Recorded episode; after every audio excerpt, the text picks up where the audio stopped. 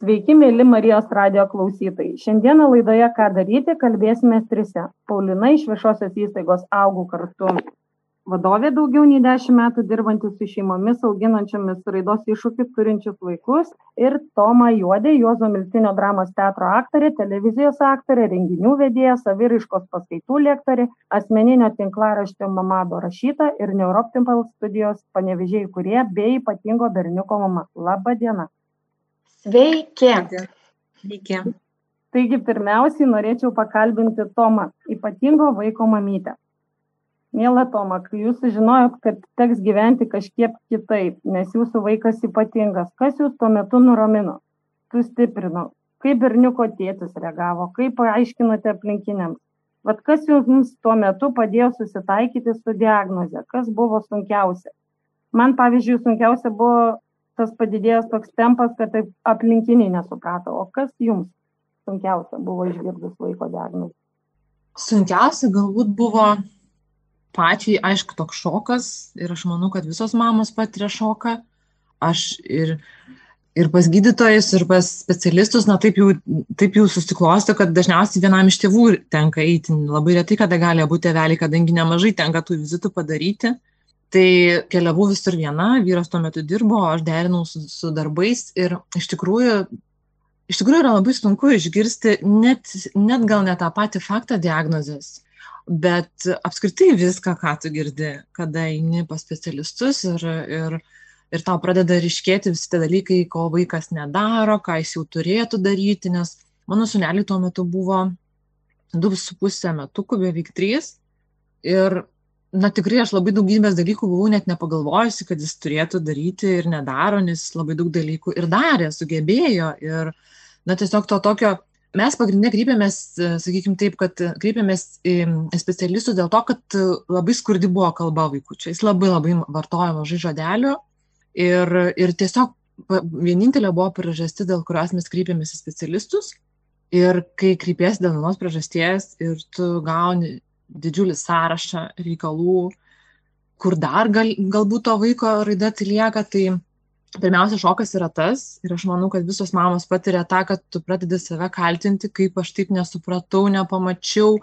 Tai yra mūsų pirmas ir vienintelis vaikelis ir apskritai mūsų aplinkoj tuo metu nebuvo mažų vaikų kažkaip visi buvo arba jau užaugę arba dar nesusilaukę ir adomas buvo toks vienas ir mes realiai nelabai turėjom net su kuo palygint ir iš tikrųjų buvo toks šokas nes niekas aplinkui ne ne nekalbėjo mums kad kažkas su tuo vaiku ne taip apart to kad na labai buvo mažai tos kalbos ir visi labai laukė kad vaikutis kalbėtų o jis kaip nekalba taip nekalba.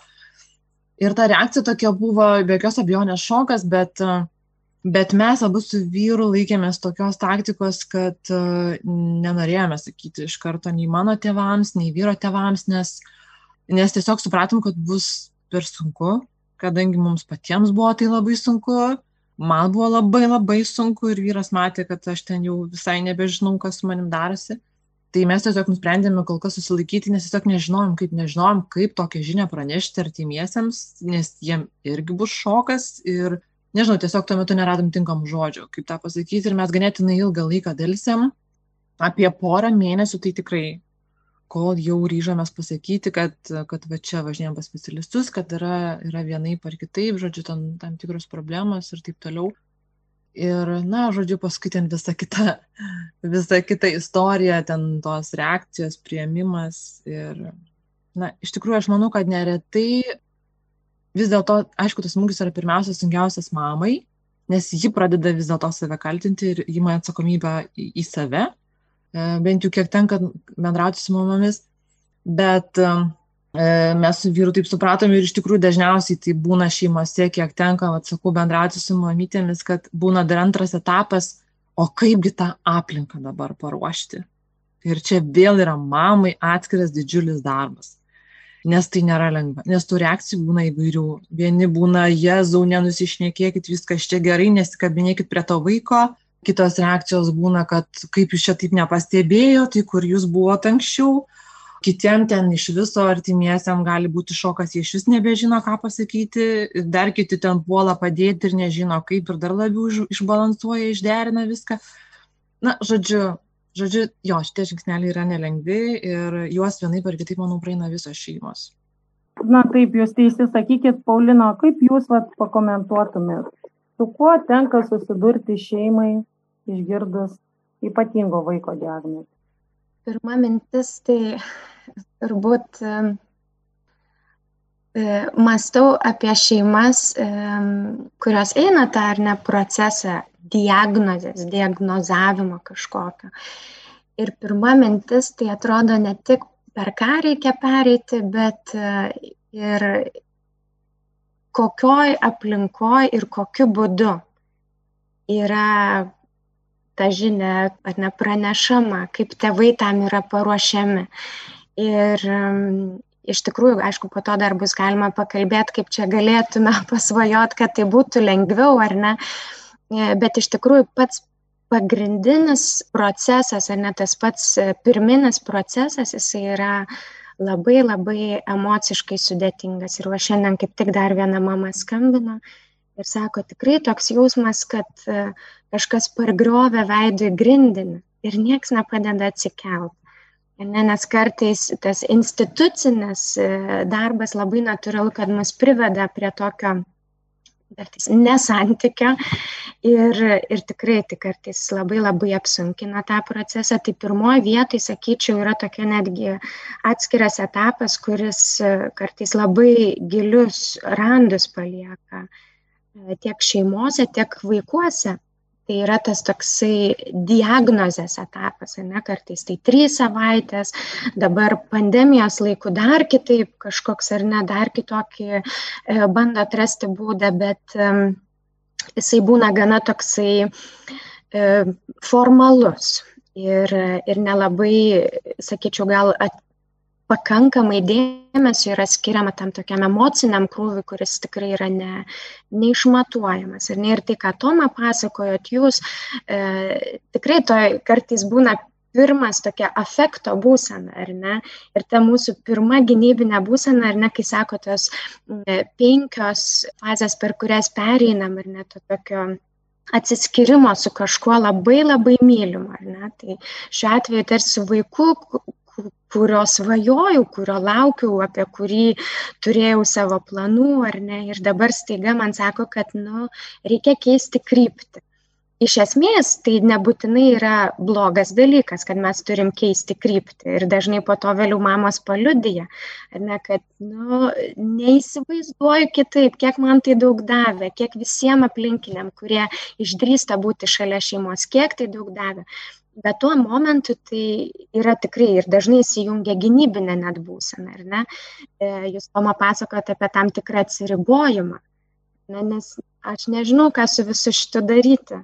Noriu atsiriboti nuo visų aplinkui, kurie manęs ir klaus, tai ką dabar darysit. Ne, ir tas noras atsiriboti dažnai būna labai prasta reakcija. Ne, kartais e, susitikusi tėvų, kartais tai tėčiai, susitikus ir mamų, kurios neigia, netgi ar nėra tam tikri e, tam tikros būsenos, kurios to pirmoji pačioj fazėje, net čia jos eina lygiai grečiai kartais, ar net tai su atsiribojimu yra tas net neįgymas, kur atrodo, nu negali būti, nu kaip šitaip gali būti. Ir iš tiesų, tai aš sakau, tai yra labai reikalingas laikas, nes jis tarsi amortizuoja uh, be galo intensyves emocines būsenas, ar ne, ir tą tokį staigų šoką. Na, kartais tai net padeda apmarinti truputėlį emocijos, nes tiesiog jų būna per daug.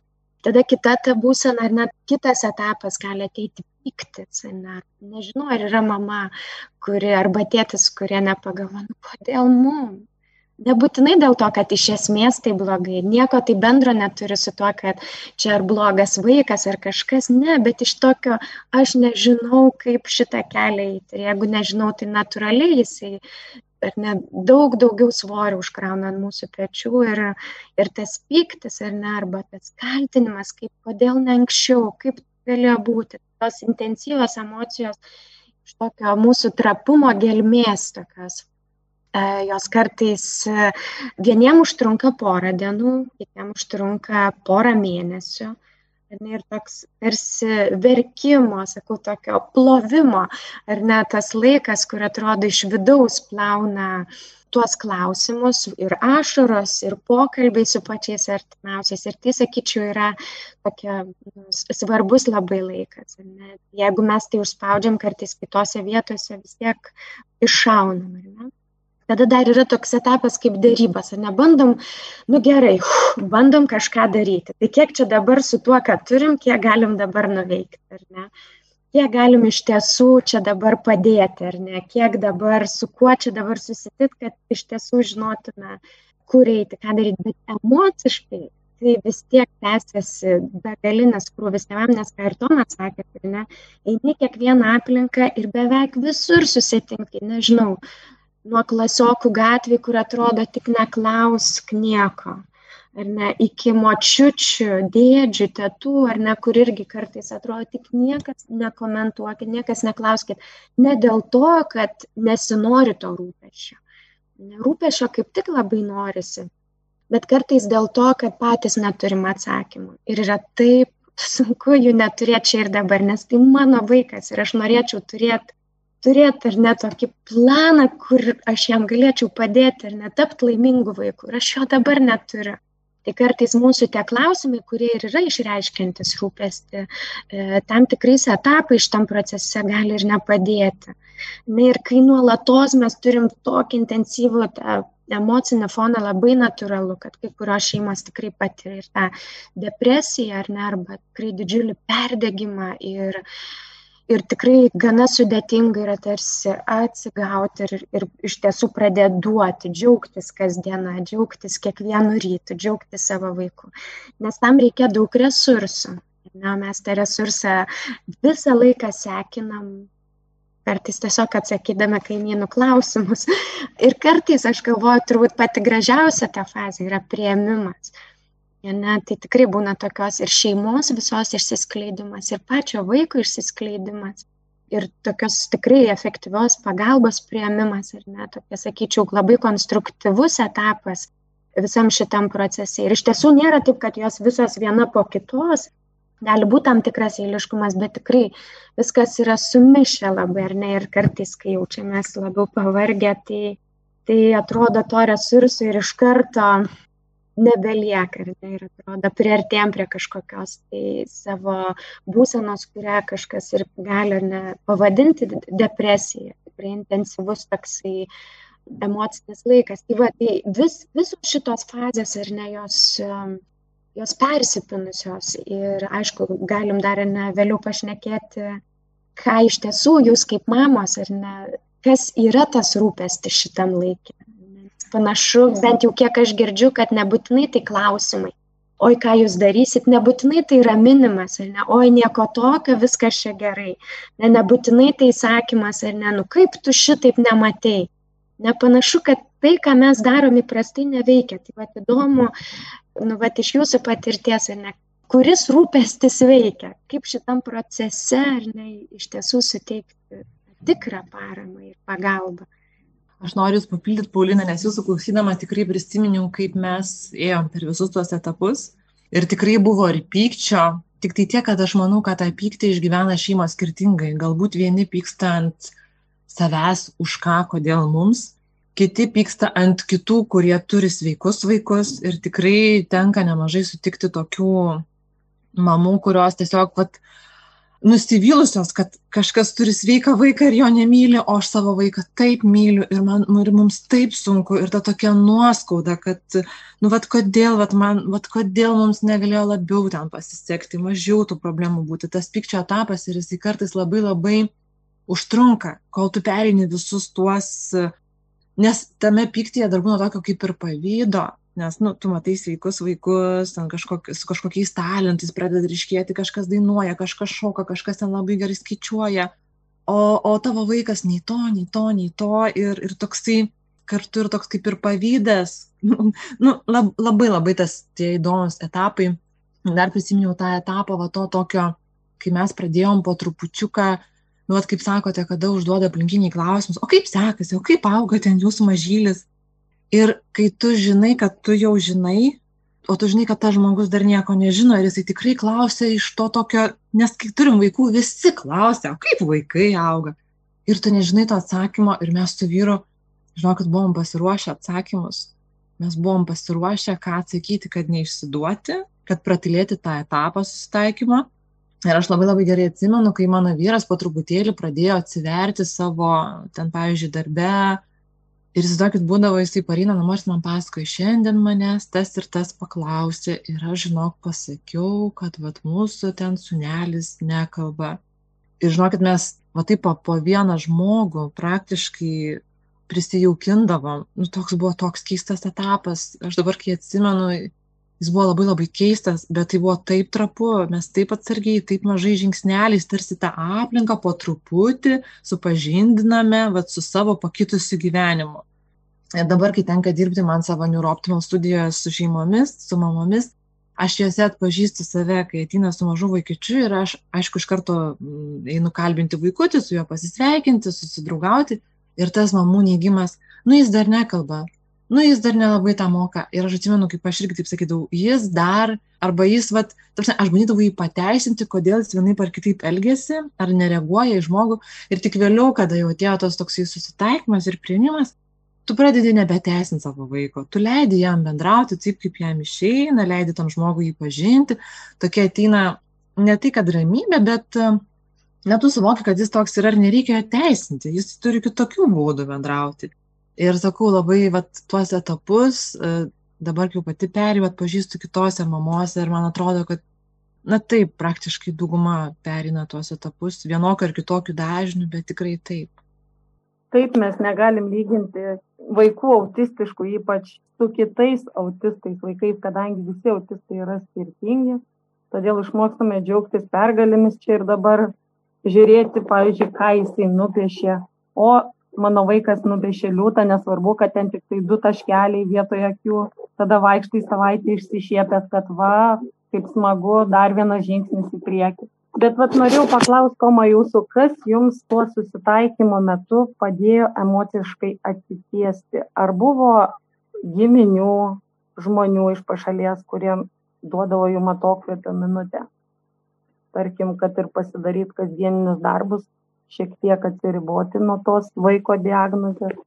Mane visų pirmiausia labai palaikė vyras, nes jisai mane, e, nors aš jau pati norėjau mesti darbą, jis, jis mane labai skatino nemesti darbo. Tiesiog e, ta prasme, kad neužsidaryti namie su vaiku ir kad negėdėti užsidarius tarp keturių sienų ir jis mane labai labai skatino, kad kažkaip e, gerai apsimažinam tų darbų, viską, bet tu, bet tu tik tai nemesk ten, žodžiu, savo planų, aistrų, savo profesijos.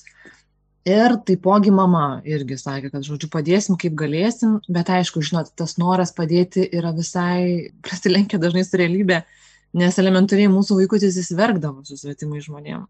Ir mes turėdavom būti kažkuris iš mūdviejų, arba aš, arba vyras, arba vestis vaiką kartu, rizikuodami, kad jisai pradės verkti ir mums greičiausiai reiks išeiti iš ten, kur mes atėjome. Bet e, tas noras padėti tikrai buvo didelis ir iš vyro tėvų taipogi, jie irgi sakė, jūs eikit, dirbkit, mes užauginsim anūką, kiek jų čia galėsim, tiek padėsim. Bet sakau, tai prasilenkia su realybė ir su galimybėm, nes mūsų sunus buvo tiesiog toks, kuris, nežinau, pabuvęs pusę valandos be mamos, jisai tiesiog labai labai stipriai puldavo į, į, į paniką.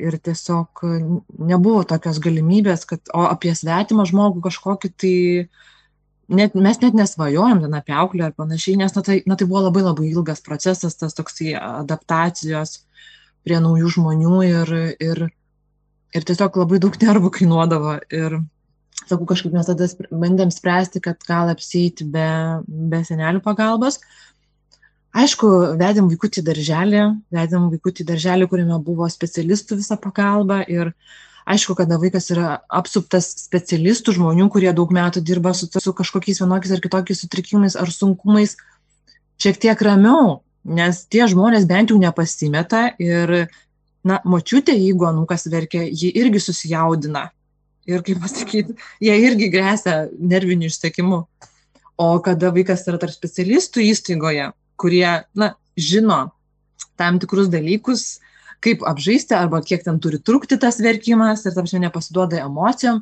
tai aišku, galbūt mamai, tėčiui šiek tiek ramiau, kada vaikas yra tokiuose rankose. Bet vėlgi, na, čia yra daug niuansų, vėlgi čia negali lyginti. Būna vienai, paskui praeina tam tikras etapas, prasideda kitaip. Ir va tokio, žinokit, kad man kažkokios tai pagalbos, bet vėlgi čia turbūt priklauso nuo, nuo, mano, nuo mano galbūt pačios asmenybės. Aš, kad vad galėčiau įvardinti, kad vat, man vat, tas ir tas labai padėjo, neturiu aš tokio atsakymo. Tik tai man galbūt padėjo Kaune mes iš tikrųjų, aš manau, kad dauguma mamų ir, ir tėčių veža savo vaikus pas visus įmanomus specialistus ir mes taipogi važiavome pas osteopatus ir pas homeopatus ir taip toliau ir panašiai. Ir aišku, mūsų vaikutis dar buvo mažas ir osteopatai su juo nedirbo tiesiog. Bet kaune viena osteopatė, dabar jau yra amžinatilsi, aistė, ji e, labai labai susirūpino mano sveikata ir ji pasakė, kad tu turi tvarkyti sveikatą. Ir sako, ir man atsimenu, sako, čia aš kalbu nebe apie tik tavo emocinę sveikatą, bet aš matau, kad tau yra tiesiog labai blogai su sveikata ir jinai man pasakė, dabar tu greitai grįžti į panevežį, pasidarai kraujo tyrimus ir tu pamatysi, kad aš esu teisė. Ir iš tikrųjų aš grįžau namo, pasidariau kraujo tyrimus ir jie buvo labai labai prasti. Ir aš supratau, kad tiesiog mano tas stresas, visas tas susikoncentravimas į vaiką, tikrai iš tikrųjų labai kirto man pačiai per sveikatą ir aš to net nepastebėjau. Suvaizduojat, aš to net nepastebėjau, kad man ten kraujas jau visai, kaip sakant, geležies nerasta, hemoglobino nerasta ir panašiai. Tai gal vat, man tas toksai padėjo, kad kad man va, tai buvo griežtai pasakytas, staigiai pasidarai tyrimus ir tvarkaisi sveikatą. Ir tada, aišku, kai kreipiausi į šeimos gydytoją, kai pradėjau, nu, tiesiog atstatinėti, bandžiau kraują ir panašiai, tada aplink specialistams aš kažkaip pradėjau nebebijoti sakyti, kad aš žinokit, nieko nesirgu, man čia viskas nuo streso. Ir va tada aš sulaukiau daug tokio palaikymo, kad tu žiūrėk savęs, tu turi būti sveika, mama turi būti sveika, nu ką tu padėsi vaikui, jeigu tu pati ten jau leis gyve.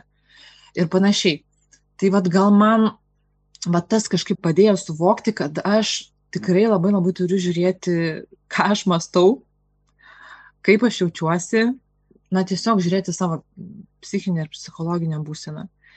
Šiaip į specialistus nesikreipėme mes, bet tikrai skaičiau labai daug knygų, tokių, tokių terapijų, ką gali mama savo taikyti pati namuose ir aromaterapija, ir muzika, ir, ir apskritai ten visokios mantros, ir, ir sėkmės dienoraščių rašymas, ir daug visokių tokių dalykų aš savo tiesiog skirdavau priverstinai, pavyzdžiui, tris minutės ryte parašyti, ką nors gero apie savo vaiką, jo pasiekimus, padėkoti ir taip toliau ir panašiai. Na, tiesiog užsiemiau tokiais, žinok, dalykais, kas galbūt iš šono klausot atrodo labai jokingi, kad čia užsimti, nu, maždaug terapijos.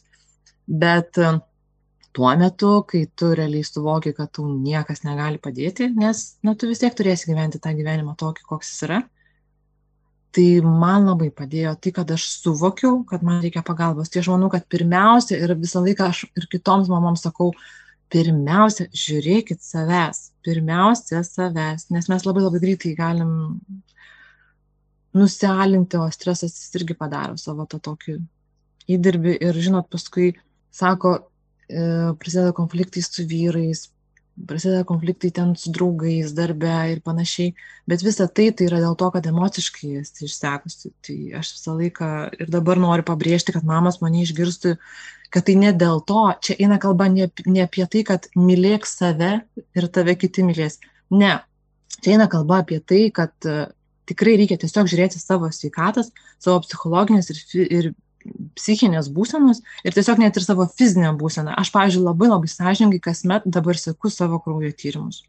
Tiesiog, kad aš žinočiau, o kaipgi aš dabar gyvenu, kaip aš jaučiuosi ir ar aš tikrai galiu va, dabar mesti visas jėgas į vaikučio ūkdymą.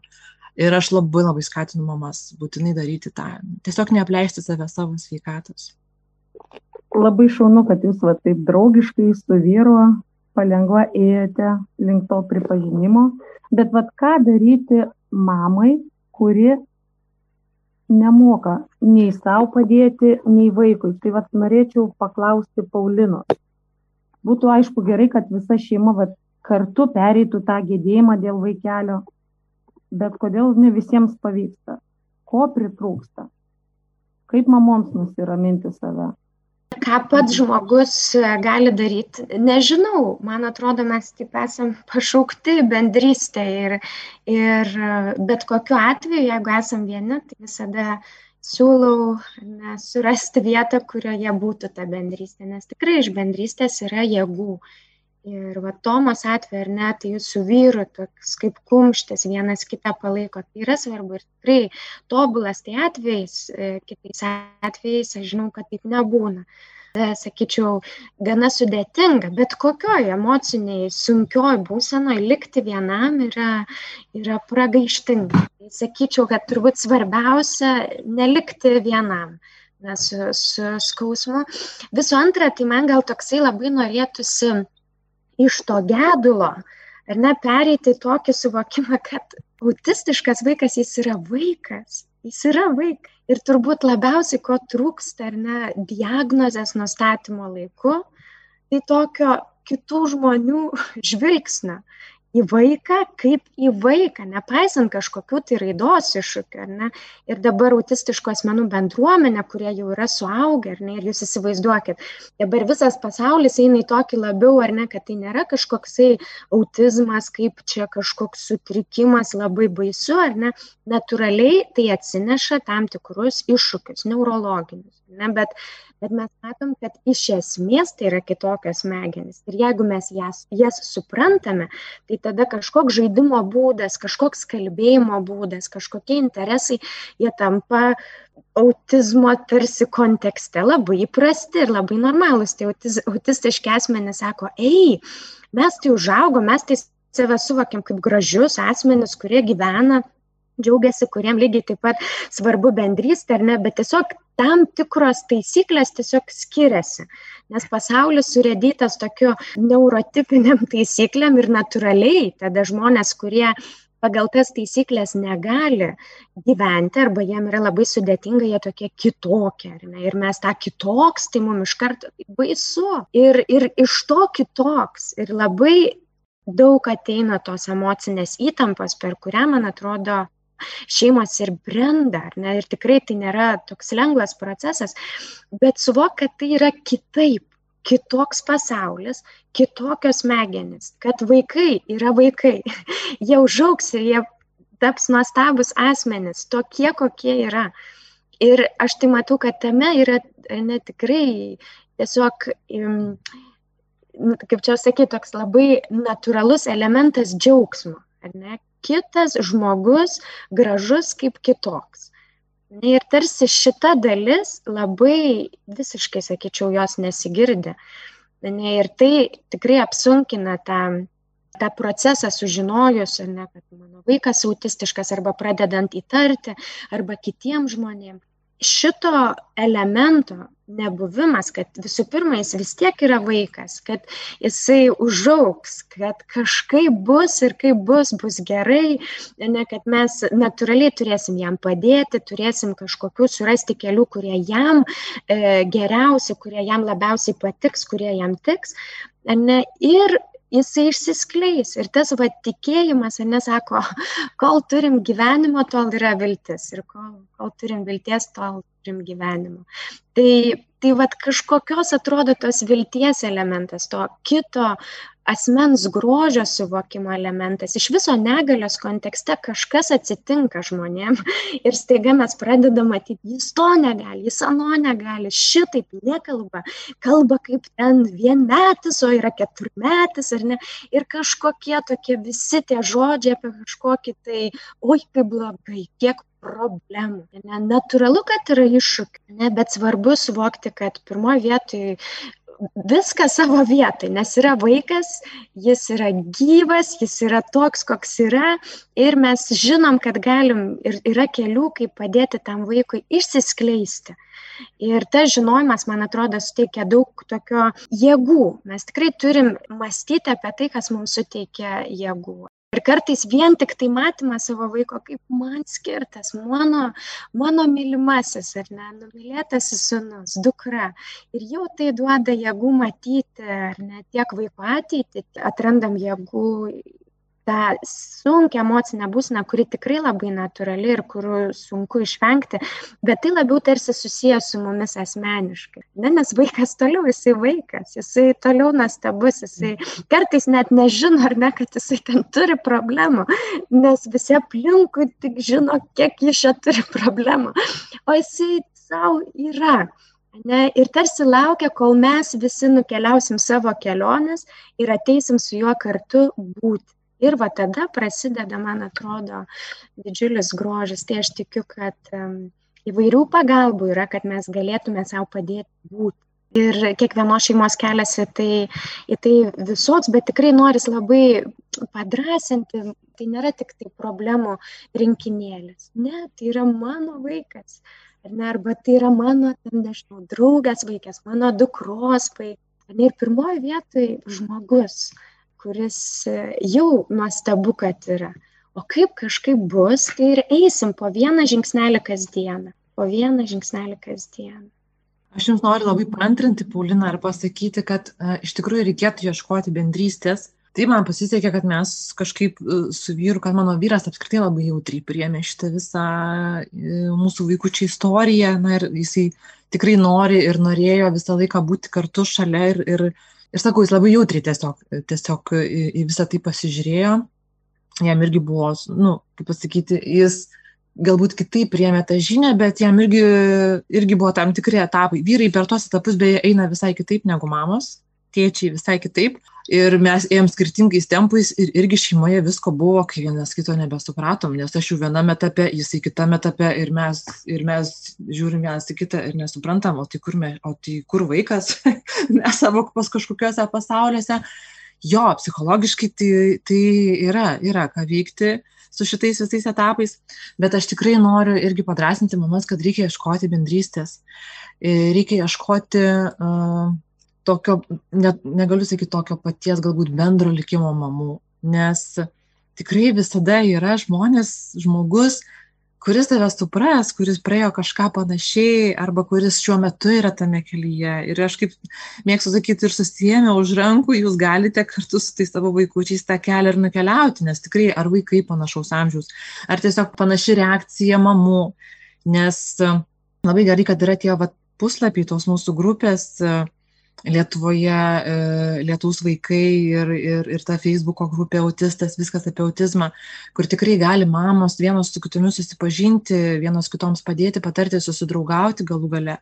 Ir iš tikrųjų mano puslapis Mamado taip ir gimė, nes nemažai informacijos internete, aš ir pati, kai ieškojau, nemažai informacijos buvo apskritai, kas tai autizmas, kaip su juo gyventi, e, ten e, visi tie kažkokie tokie išskirtinumai ir panašiai, bet ilgainiui, vat, kai mes pradėjome važinėti reabilitacijas, mane susirasdavo mamos paskui ir pradėdavo man rašyti, o kaip jums pavyko, pavyksta taip ramiai išbūti, o kaip jums pavyko taip ramiai reaguoti, ten, ten vat, matėm, ten jūsų vaikutis bėga, o jūs ten, kaip jums ten pavyksta vat, išspręsti situacijas.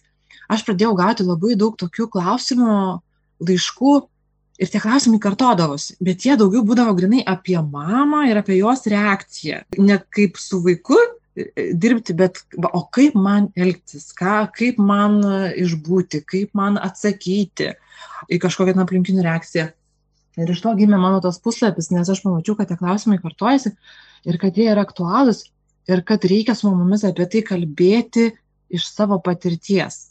Kaip aš tai perėjau, aišku, ta mano patirtis ir yra viena ir jinai yra unikali ir jinai ne, tai nėra receptas universalus visoms. Uh, bet, bet, bet aš pamačiau, kad vat, trūksta, kaip jūs sakote, vat, trūksta tos bendrystės, to tokio, nu, vat, tiesiog pokalbio apie konkrečią, pavyzdžiui, situaciją. Nu, vat, nu, vat aš nenoriu taip reaguoti, nesakykime, aš vat norėjau žmogui, mane žmogus įžydė, kad mano vaikas neišauklėtas, aš norėjau jam atsikirsti, bet aš negaliu, mano netokia natūra, o, o kaip man dabar vidai susidėlioti, kad, kad aš esu teisi.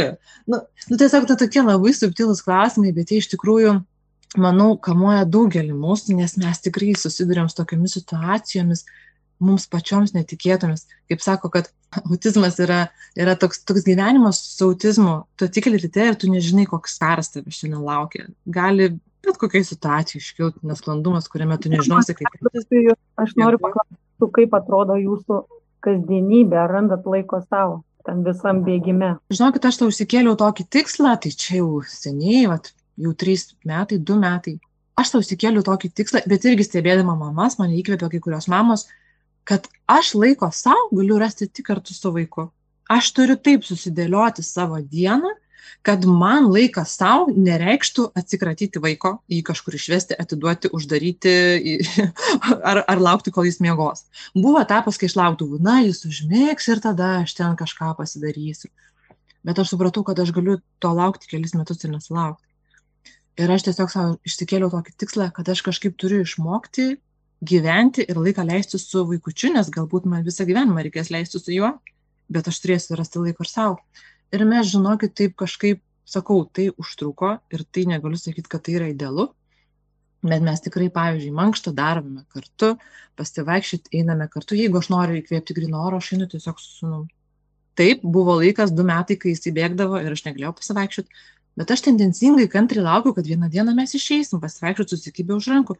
Ir dabar jau mėnesį laiko mes einam, kiekvieną vakarą susikibę už rankų tai tiesiog išlaukiau kantriai, bet dabar tai yra fantastiškas laikas, kad mes galim ramiai pabūti laukia ir mes, kadangi mano sunus nekalba, mes einam tylėdami. ir koks skirtumas, ar aš eičiau viena, ar mes einam dviese, mes einam abu tylėdami ir stebim gamtą. Tai ir kituose dalykuose aš panašiai taip vat, kažkaip išsisprendžiu. Sakykime, jeigu aš noriu kažką ten padirbėti prie kompiuterio, aš sūnui irgi duodu telefoną arba planšetę.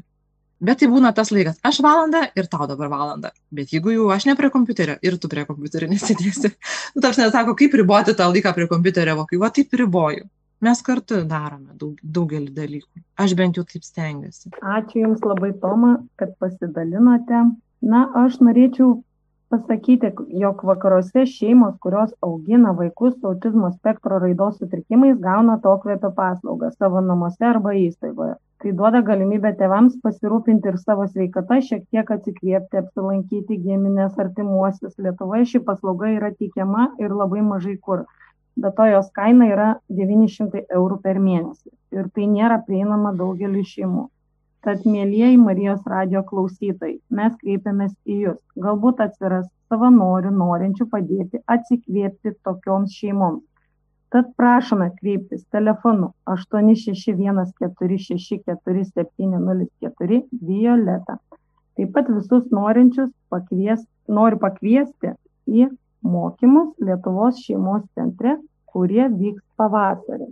Ir mūsų laikas visai jau senka tad mielieji klausytojai norėčiau jums ir sau daugiau supratimo pakantumo palaikančio žvilgsnio ir tikrai viskas bus daug lengviau. Laidą vedė ieva daukienė visiems sudie